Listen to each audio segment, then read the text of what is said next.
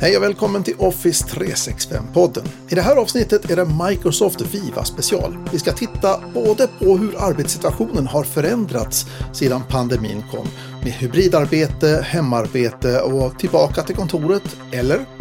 Och så ska vi naturligtvis ta oss en titt på Microsofts verktyg för att hjälpa oss att hantera de här nya arbetssituationerna som vi har.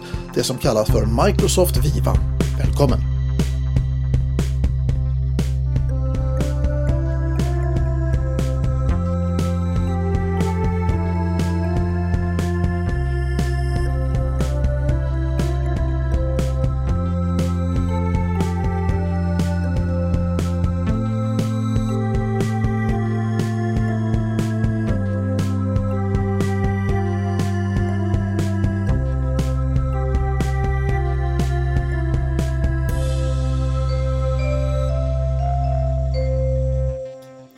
Ja, om en liten stund ska vi ta och prata om de nya Viva-applikationerna. Eh, egentligen ska vi prata om alla Viva-applikationerna så som de är släppta just nu. Men innan dess ska vi ta oss en titt på hur arbetssituationen har förändrats sedan pandemin kom 2019.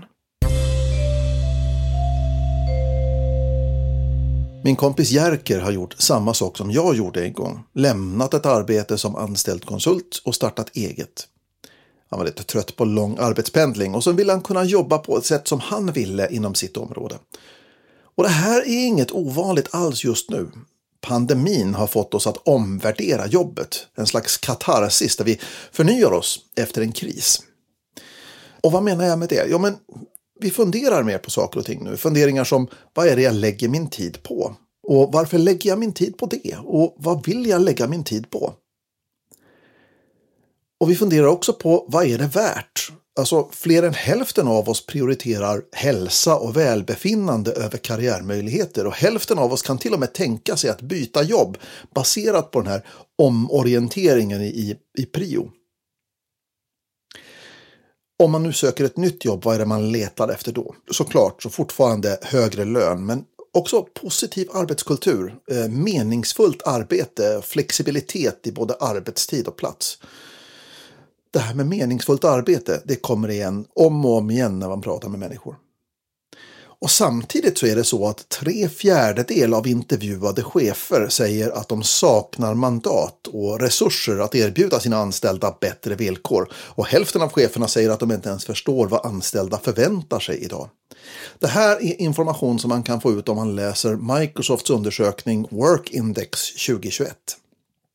Vi har också ett nytt fenomen quiet quitting. Quiet quitting innebär just att folk reagerar på sin arbetssituation.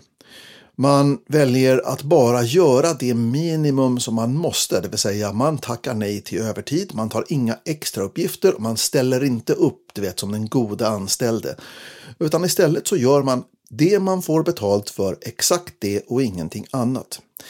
Det här kan vi hitta i en film som jag varmt kan rekommendera som heter Office Space som kom 1999. Och personen i den, Peter Gibbons, han var stressad och överarbetad men så blev han övertalad av sin dåvarande eh, partner att gå igenom en hypnossession där han skulle bli hypnotiserad, att inte ta saker och ting på så stort allvar, att eh, helt enkelt sluta oroa sig över saker och ting. Eh, men så ska han ju väckas ur den här hypnosen, men Innan han hinner bli väckt ur sitt hypnotiska stadium så går hypnotisören och dör. Han får helt enkelt en hjärtinfarkt mitt under hypnossessionen. Ja, det är lite farfetched, men det är en kul story. Eh, och resultatet blir att Peter Gibbons nu inte bryr sig om någonting.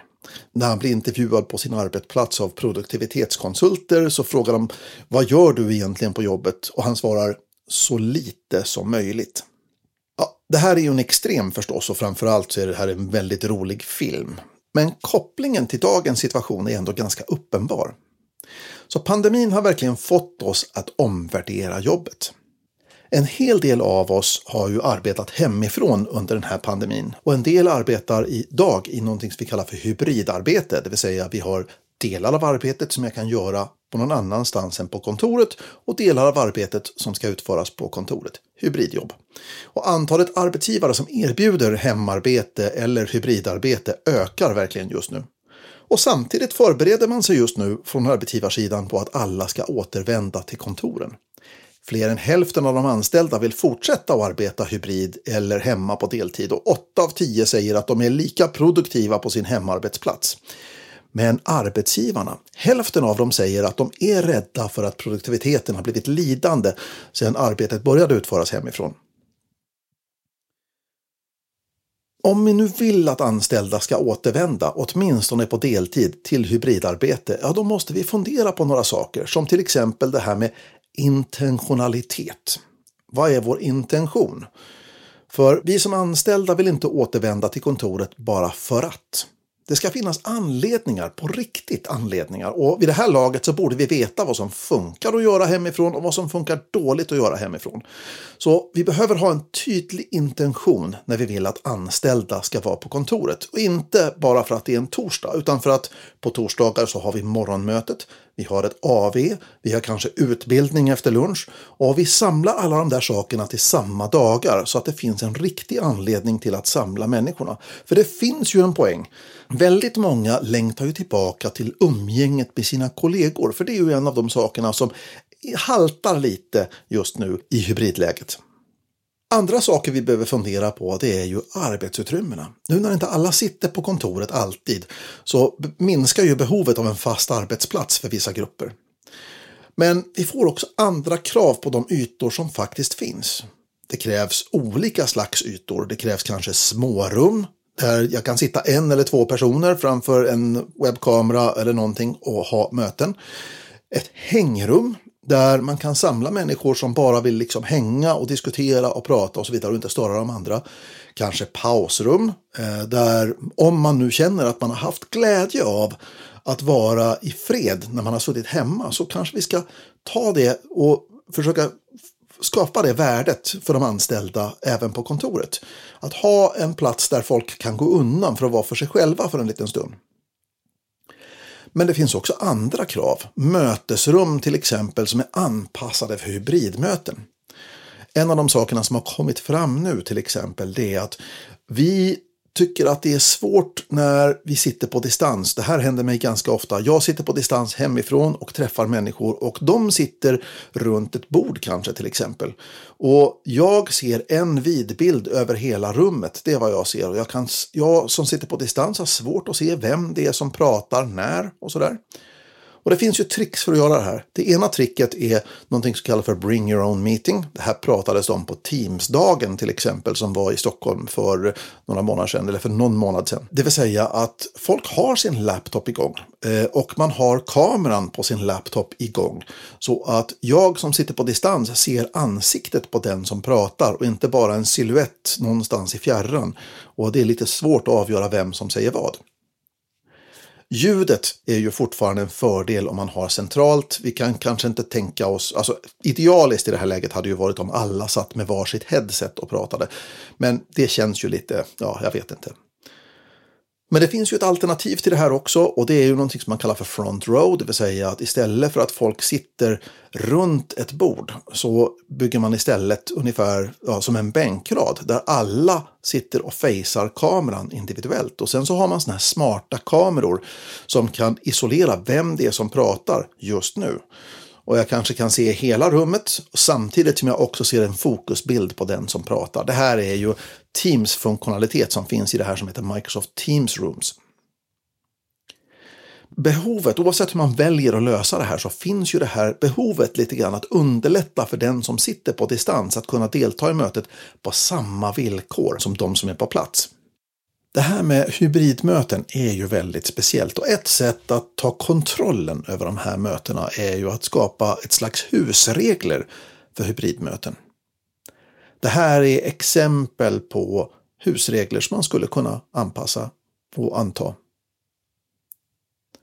Ta två minuter till småprat innan mötet börjar och se till så att alla deltar i det småpratet det här med att prata om väder och vind och vad man gjorde igår och så vidare innan det formella mötet börjar, det hjälper till att sänka stressnivåerna ganska ordentligt.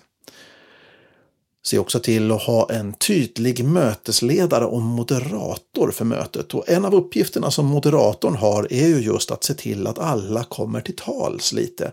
Att ha koll på vilka som inte är engagerade och vilka som är engagerade och så vidare. Då. Ha en tydlig agenda. Vad är det som mötet ska göra egentligen? Den här agendan hjälper nämligen mig som deltagare att avgöra huruvida jag verkligen behöver vara med på mötet eller inte. När vi bjuder in till möten i Teams till exempel, då kan jag ju sätta två olika typer av mötesdeltagare.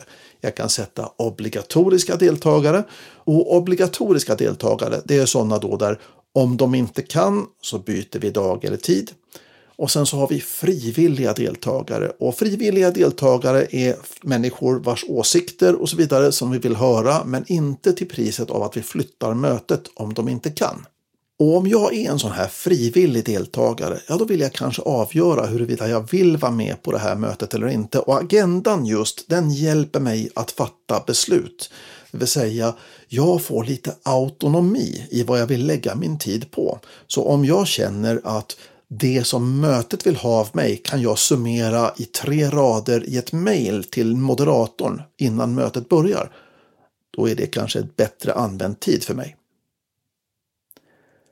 Använd gemensam utrustning för ljud i mötesrummet eh, så vi slipper den här rundgången från olika enheter och så vidare. Då.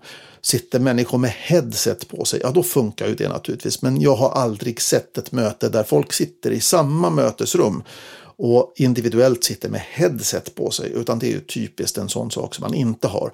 Utan snarare så använder man ju just den här gemensamma ljudutrustningen och det ska vi naturligtvis göra. Spela gärna in mötena så att den som har teknikstrul eller av någon anledning inte kan delta i mötet eller inte vill delta i mötet därför att de har annat för sig helt enkelt, att då kan vi ändå ta del av mötet i efterhand om jag vill. Ett annat smart trick är att slå på transkribering av mötet. Det betyder att Microsofts AI lyssnar på vad som sägs och transkriberar det här. Det här kan vi ha som levande undertexter som vi säger. Att jag får direkttextning i själva mötet. Och det här är inte så dumt därför att det visar sig att människor har lättare att hålla sig med i mötet, hålla sig engagerade med den här textremsan. Det blir lite enklare att hålla koll på vad som sägs. Det blir ytterligare en förstärkning av innehållet helt enkelt. Och jag vet, den här direkttextningen, den är väl inte hundra. Den är väl kanske, jag säger att den är 90-95 procent och ibland så blir det lite humor. Men skratta då tillsammans och ha roligt istället för att säga att det går inte därför att det blir fel. Utan ta tillfället i akt och ha lite roligt. Men undertexterna är bra därför att det ökar engagemanget och förståelsen. Även om alla i mötet förstår samma språk som vi talar. Så vi behöver inte ha någon översättning på.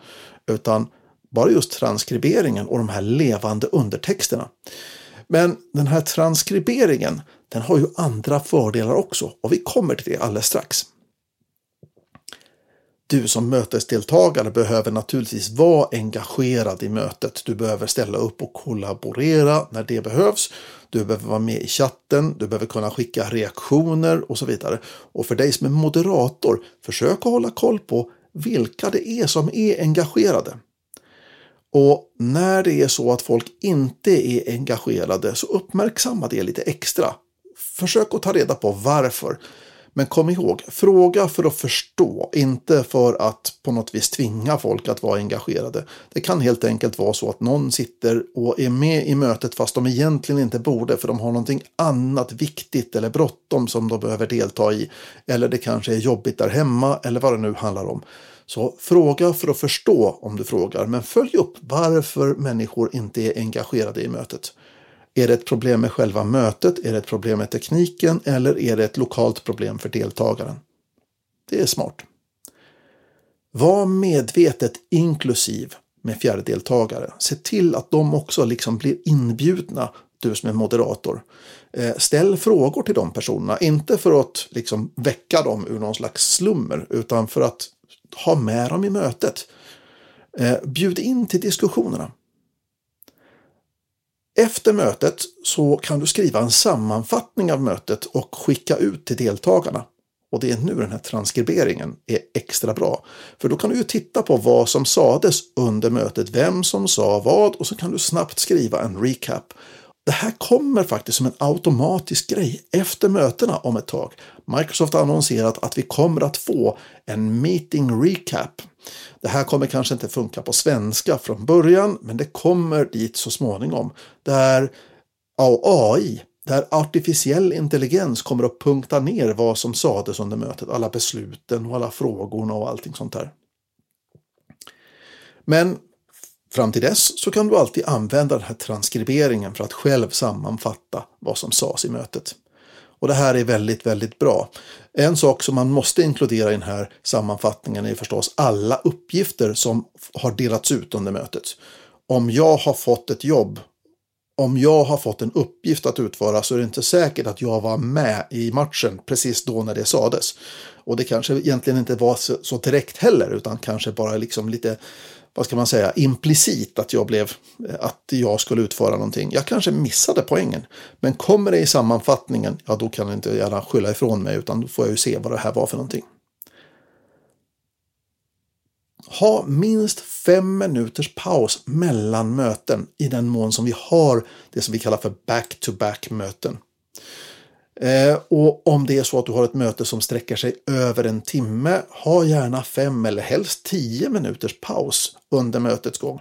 Därför att vi behöver den här pausen för att kunna ladda om. Därför att förr eller senare under mötet så kommer till och med även moderatorn kanske att tappa fokus och tappa engagemanget och sådär.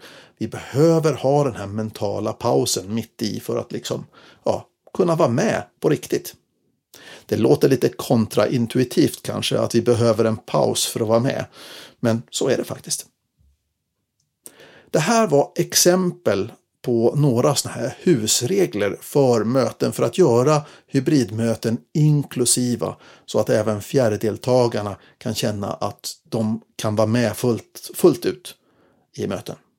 Så det var husregler för att göra hybridmöten lite mer inklusiva och du kan säkert komplettera det här med andra saker som du själv kommer att tänka på. Men det här är en, en, en lista att utgå ifrån och håller du inte med, fine, bara stryk och ersätt som vanligt. Idag ökar användningen av ordet flexibel i jobbannonser. Det vill säga vi erbjuder flexibelt arbete men det här med flexibelt arbete, det har ju en historia naturligtvis. Det började redan på 1960-talet när man erbjöd någonting som heter flexiwork för arbetande kvinnor. Och det innebar i praktiken att kvinnor som anställda kunde själva justera när arbetsdagen började och slutade. Och det här lever kvar idag under termen flexibel arbetstid. På 1970-talet så myntades begreppet telecommuting för att minska antalet jobbresor som bara behövde göras för att delta i möten. Vi fick helt enkelt telefonmöten där vi kunde samarbeta över telefonlinan och komma överens och så vidare. Då. Det här sparade också bränsle och vilket var syftet på 70-talet därför att då hade vi en bränslekris. Men det lever fortfarande kvar. Idag har vi Teamsmöten istället. Men när vi nu pratar idag om flexibelt i våra jobbannonser, hur flexibelt är det då? Det skulle ju kunna vara bara flexibelt på pappret. Och så är det i många fall. Det vill säga, det är flexibelt men arbetsledningen bestämmer. Det innebär att du måste be om lov och arbetsledningen har alla möjligheter att säga nej och stoppa saker och ting.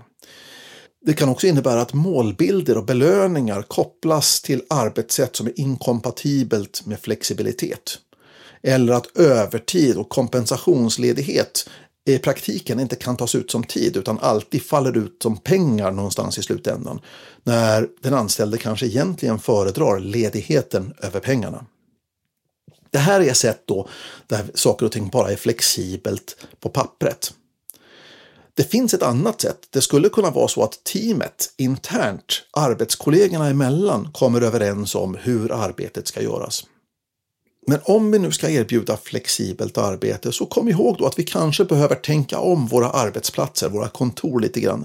De behöver vara gjorda för flexibelt arbete. Det behöver finnas flera olika typer av utrymmen och det måste finnas mötesplatser för hybridmöten som är annorlunda än det vanliga konferensbordet som vi har i, i möteslokalerna idag. De här nya kraven som ställs på arbetsgivare och på anställda nu när vi ska ha hybridarbete, de kan vara svåra att uppfylla. Och det är därför Microsoft har skapat en produktserie som heter Microsoft Viva. För att just fylla några av de här hålen och problemen som uppstår när vi har hybridarbete. Microsoft Viva är någonting som Microsoft själva kallar då för en User Experience Platform. Och Microsoft försöker ju ha lite grann örat mot rälsen här genom att göra regelbundna undersökningar hos kunder och stora företag för att hitta de här problemen och naturligtvis försöka lösa de här med mjukvara. Det är ju vad hela mjukvarubranschen går ut på. Vad är det för mål man försöker fylla med Microsoft Viva då? Jo, man försöker hjälpa till att få anställda att känna tillhörighet till team och organisation. Och för att känna sig tillhörig så måste man känna sig informerad, inkluderad och inspirerad. Att företaget har mål som jag känner är väsentliga för mig, att det är meningsfullt för mig. Här finns också krav på välbefinnande. Eh, sådana saker som insikter i hur jag arbetar. Jobbar jag sent på kvällen? Jobbar jag tidigt på morgonen? Eh, hur skickar jag mail? Hur kommunicerar jag med mina medarbetare? Vad är det jag lägger min tid på? Och så vidare. Och sen naturligtvis då allmän produktivitet. Eh, att jag kanske tar pauser, jag kanske arbetar enligt pomodoro-tekniken eller jag arbetar med meditation eller någonting annat då, som också har blivit väldigt, väldigt populärt nu. Det tredje målet är meningsfullhet, det vill säga att jag känner kopplingen mellan företagets mål och mina arbetsuppgifter. Där jag ser hur vad jag gör till vardags just nu, den här timmen, hur det påverkar företagets målsättning och att företagets målsättning är någonting som jag investerar i med min tid. Och sen så handlar det naturligtvis om växande. Att jag ska kunna växa som människa och som medarbetare. Jag ska utvecklas både som människa och som medarbetare. Vad innebär det att utvecklas som människa? Jo, det innebär naturligtvis då att jag utmanar mig själv, att jag får saker och ting att lösa. Jag har saker och ting som jag tycker precis är lite läskigt eller lite för svårt eller någonting sånt där och vågar anta den utmaningen för att jag vet att jag har backning från mina kollegor och från min arbetsledning så att om det skulle gå i diket så kan jag få hjälp eller jag kan få stöttning eller någon kan lyfta upp mig och borsta av mig och, och sätta mig på rätt spår igen. Så när jag lyckas med några av de här utmaningarna då växer jag förstås som människa. Men det handlar också om att växa som medarbetare. Att jag får ta till mig ny kunskap, nya färdigheter, att jag utvecklas i enlighet med företagets mål och uppgifter.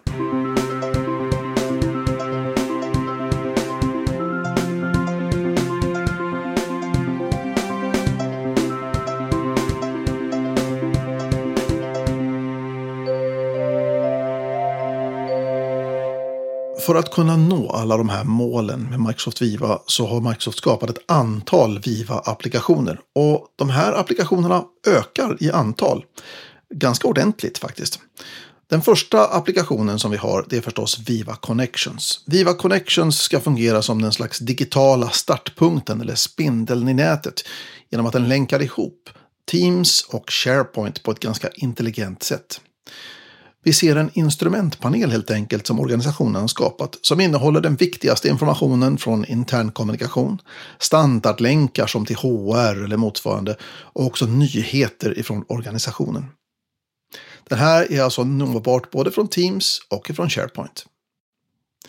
Nästa applikation heter Viva Insights och Viva Insights den levererar just insikter personliga insikter via till exempel instrumentpanelen i appen i Teams. Men också via briefing-mailet som kommer typiskt på morgonen. Det här briefing-mailet brukar innehålla mail, referenser till mail där någon har ställt en fråga till mig där jag kanske inte har svarat eller det kanske var så att mejlet innehöll en uppgift och bara en påminnelse om att det här behöver göras kommer i briefingmejlet. Men också information om uppkommande möten och saker och ting som jag kanske behöver läsa innan mötet eller motsvarande. Den visar också personliga arbetsvanor som när jag arbetar under arbetstid och utanför arbetstid. Men också hur jag arbetar. Vad lägger jag min tid på? Hur mycket tid går åt till möten och hur mycket tid finns över för produktion? Är jag liksom mötesöverlastad till exempel? Men den visar mig också arbetsinsikter från mina vanor. Och hur fungerar det här med alla andras vanor i teamet? Som till exempel vilka arbetstider föredrar jag att arbeta? Eh, när är jag som mest produktiv? Och den här informationen skulle man ju kunna använda till exempel att ta med sig sin egen personliga eh, information och eh, sätta sig i ett möte med sitt team och diskutera hur man ska arbeta tillsammans för att vi ska vara så effektiva som det bara går. Men vi får också rekommendationer ifrån Viva Insights. Sådana saker som att blockera arbetstid i fokus och att undvika mötesförfrågningar på den tiden som man är mest produktiv. Men utöver de personliga rekommendationerna så kommer också organisationella insikter för chefer. Det här innehåller inga personligt identifierbara detaljer, men den visar snarare trender över arbetsbelastning och arbete utanför arbetstid och sådana saker. Och det här är information som är ganska viktig. Det är ju en del av arbetsgivaransvaret att veta hur folk arbetar och hur folk mår i sitt arbete oavsett om de sitter på kontoret eller om de sitter hemma. Man kan helt enkelt inte ducka det ansvaret bara för att anställda föredrar att arbeta på en annan plats än på kontoret. Viva Learning är en annan sån här Viva-applikation som har varit med ett tag.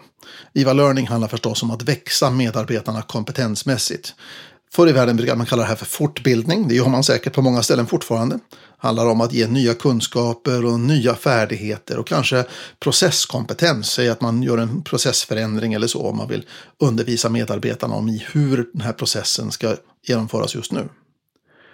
Den här appen låter oss ju studera på arbetstid på ett annat sätt därför att den plockar in utbildningen direkt i Teams. Så jag behöver inte lämna Teams-miljön. Men jag kan fortfarande använda sådana saker som fokuslägen och sånt där så att jag inte blir störd medan jag studerar. Eh, för arbetsledningen så kan jag förstås tilldela kurser till mina anställda och säga de här ska du ha gått och du ska ha gjort det före det här datumet eller så. Som arbetsledare kan jag också följa progressen och se vilka som har gått vilka kurser, vilka ligger efter i schemat och så vidare. Då. Det här hjälper mig också att hitta kompetenser. Om jag behöver ha en anställd som eh, har en viss kompetens så kan jag kolla vilka utbildningar som har genomförts i företaget och hitta någon som borde kunna det här som jag behöver.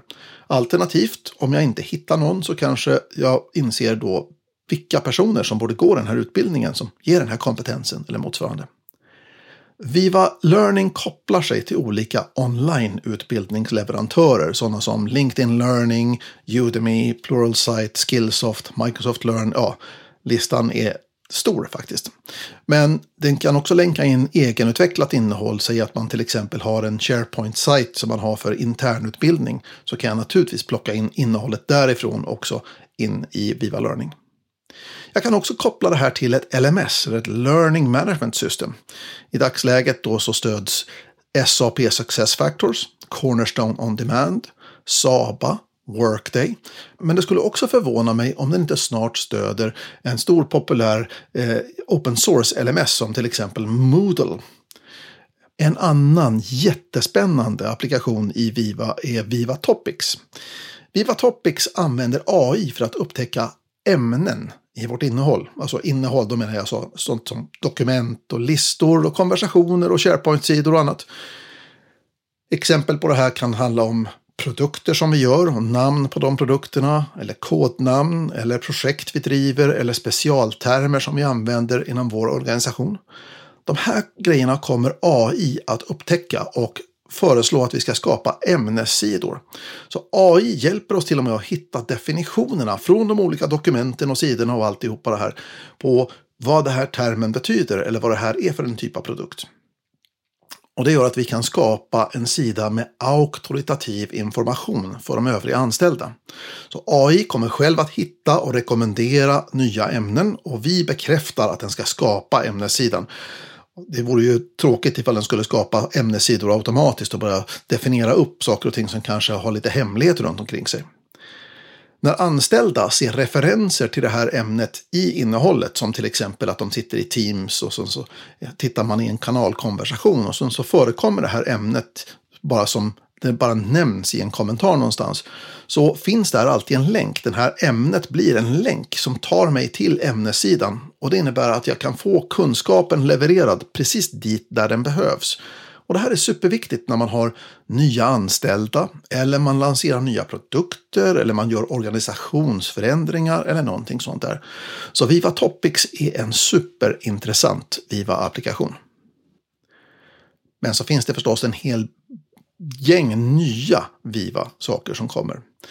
Viva Engage är till för att skapa dialog mellan olika delar och nivåer i organisationer. Det här är faktiskt ingen ny applikation i sig, utan det som döljer sig bakom namnet är Yammer. Så det här är namnet på Yammer-appen i Teams för att kunna länka ihop Yammer med Teams. Och Yammer har du hört mig berätta om många gånger i den här podden.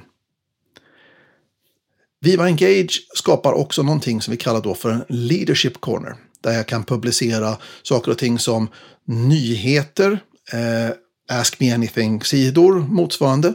Allting som vi kan behöva för att skapa en bättre koppling mellan anställda och kanske till och med den allra högsta ledningen i organisationen. Där vi helt enkelt kan ha konversationer över alla nivåer i bolaget. En produkt som har hört oss prata om tidigare här i Office 365-podden så är det Viva Goals. Viva Goals som man köpte från Ally.io gör det möjligt att få målstyrning via Microsoft 365. Och tekniken som används heter OKR eller Objectives och Key Results. Eh, och den ger oss massor med kopplingar mot andra produkter. Till exempel om jag håller på med DevOps så kan jag se alla utförda actions och koppla dem till eh, Key Results.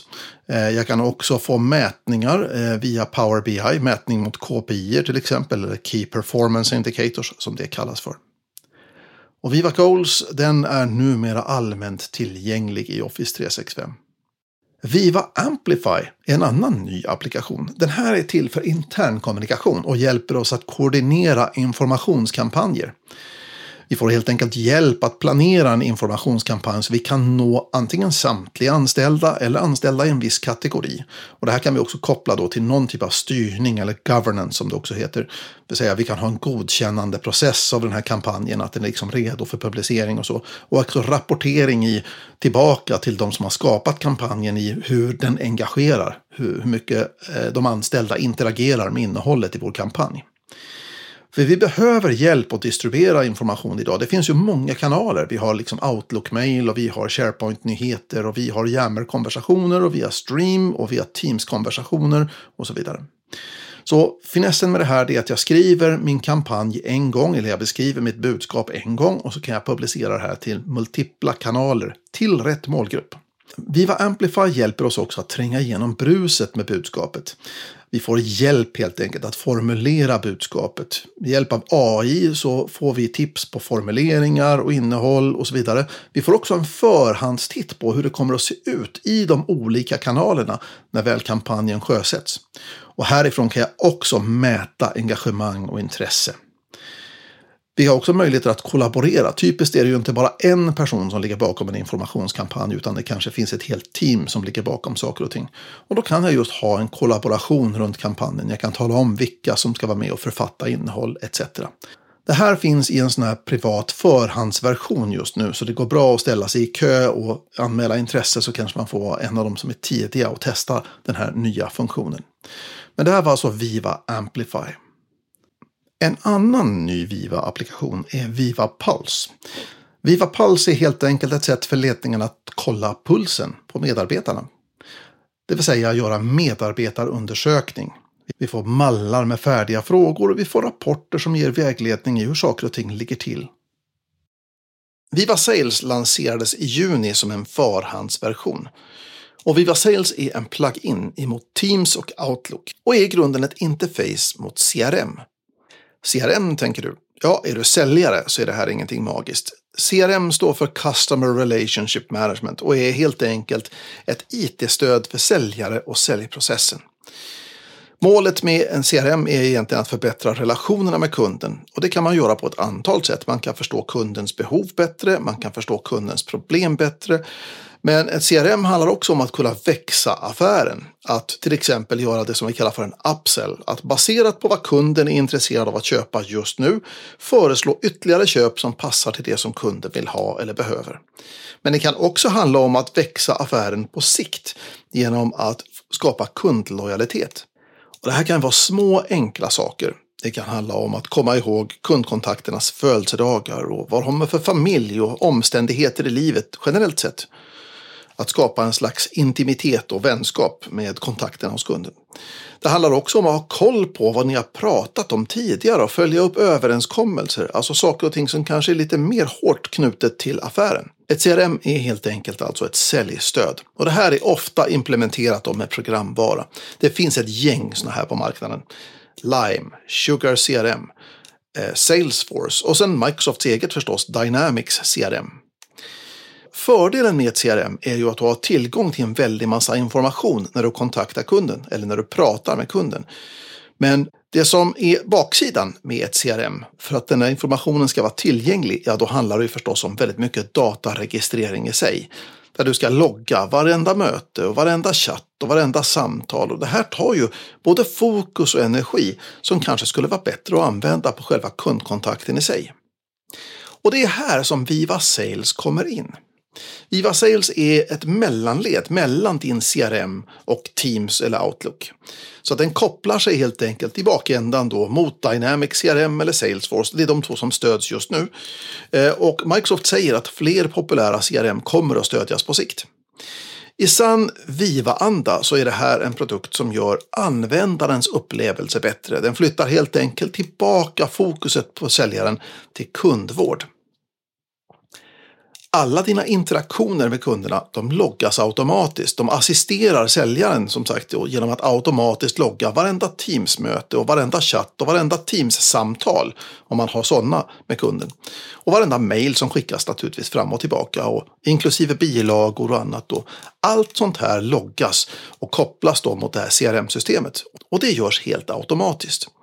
Så om samtalen görs genom Teams, om det är ett Teamsamtal, ja då kan jag också slå på så jag får full transkribering och indexering av samtalen så jag kan titta på det här samtalet i efterhand i text och komma ihåg vad vi faktiskt sa och sådana saker. Och det kan ju vara ganska praktiskt inför ett uppföljningssamtal att kunna tydligt se framför sig exakt vad var det vi sa förra gången. Vi kan också få en sammanfattning av de viktigaste sakerna. Det här sker också helt automatiskt.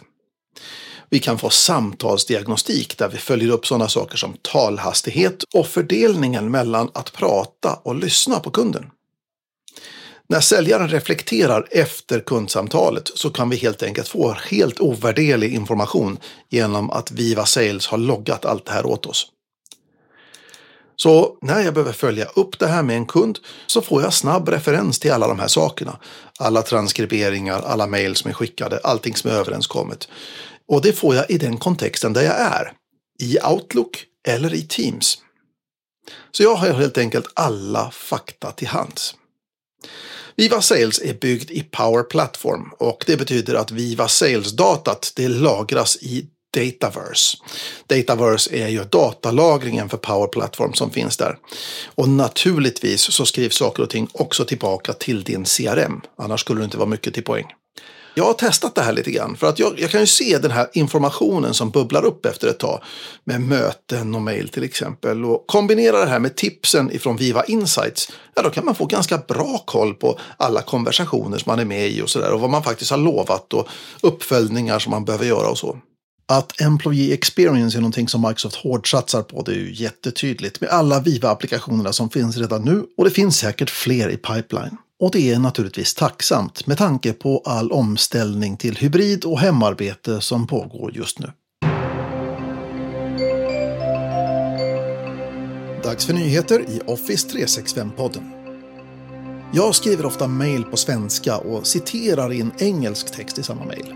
Men det brukar få stavningskontrollen att markera det ena språket som felstavat. Men nu i december får Outlook stöd för att kunna göra stavningskontroller i upp till tre språk i samma mejl. Idag när vi får mejl från Microsoft Viva brukar ämnet vara din dagliga sammanfattning eller e-postsammandrag. Men nu i november så ändras ämnesraden till att spegla innehållet mer dynamiskt. Så om du har några e-postregler som reagerar på ämnesraden för att hantera Viva-mejlen, ja då är det dags att redigera de reglerna nu. Jag har en tendens att få dubblettkontakter i Outlook och det är en smula besvärligt. Men nu rullar Microsoft ut funktionalitet för att kunna deduplicera kontakterna i Outlook på webben. Det är lite bråttom för dig som är admin att hantera det här för dina användare om du inte redan har gjort det. Den 31 oktober så slås funktionen på och kommer då att föreslå för användare att slå samman kontakter där kontaktuppgifterna verkar peka på att det är en dubblett. Vill du inte ha den här funktionen på i månadsskiftet så kan du stänga av det såklart. Och du slår upp hur man gör i Message Center i Microsoft 365s Admin Center. När vi skapar känslighetsetiketter i Microsoft Purview så får vi frågor om var etiketten ska kunna appliceras. Idag kan jag bara skapa gemensamma etiketter för filer och e-post, men från december så kommer jag kunna välja det ena eller det andra, eller båda såklart. Och då äntligen kan vi skräddarsy etiketter för olika användning beroende på om det är e-post eller filer. Och det var nyheterna i Office 365-podden.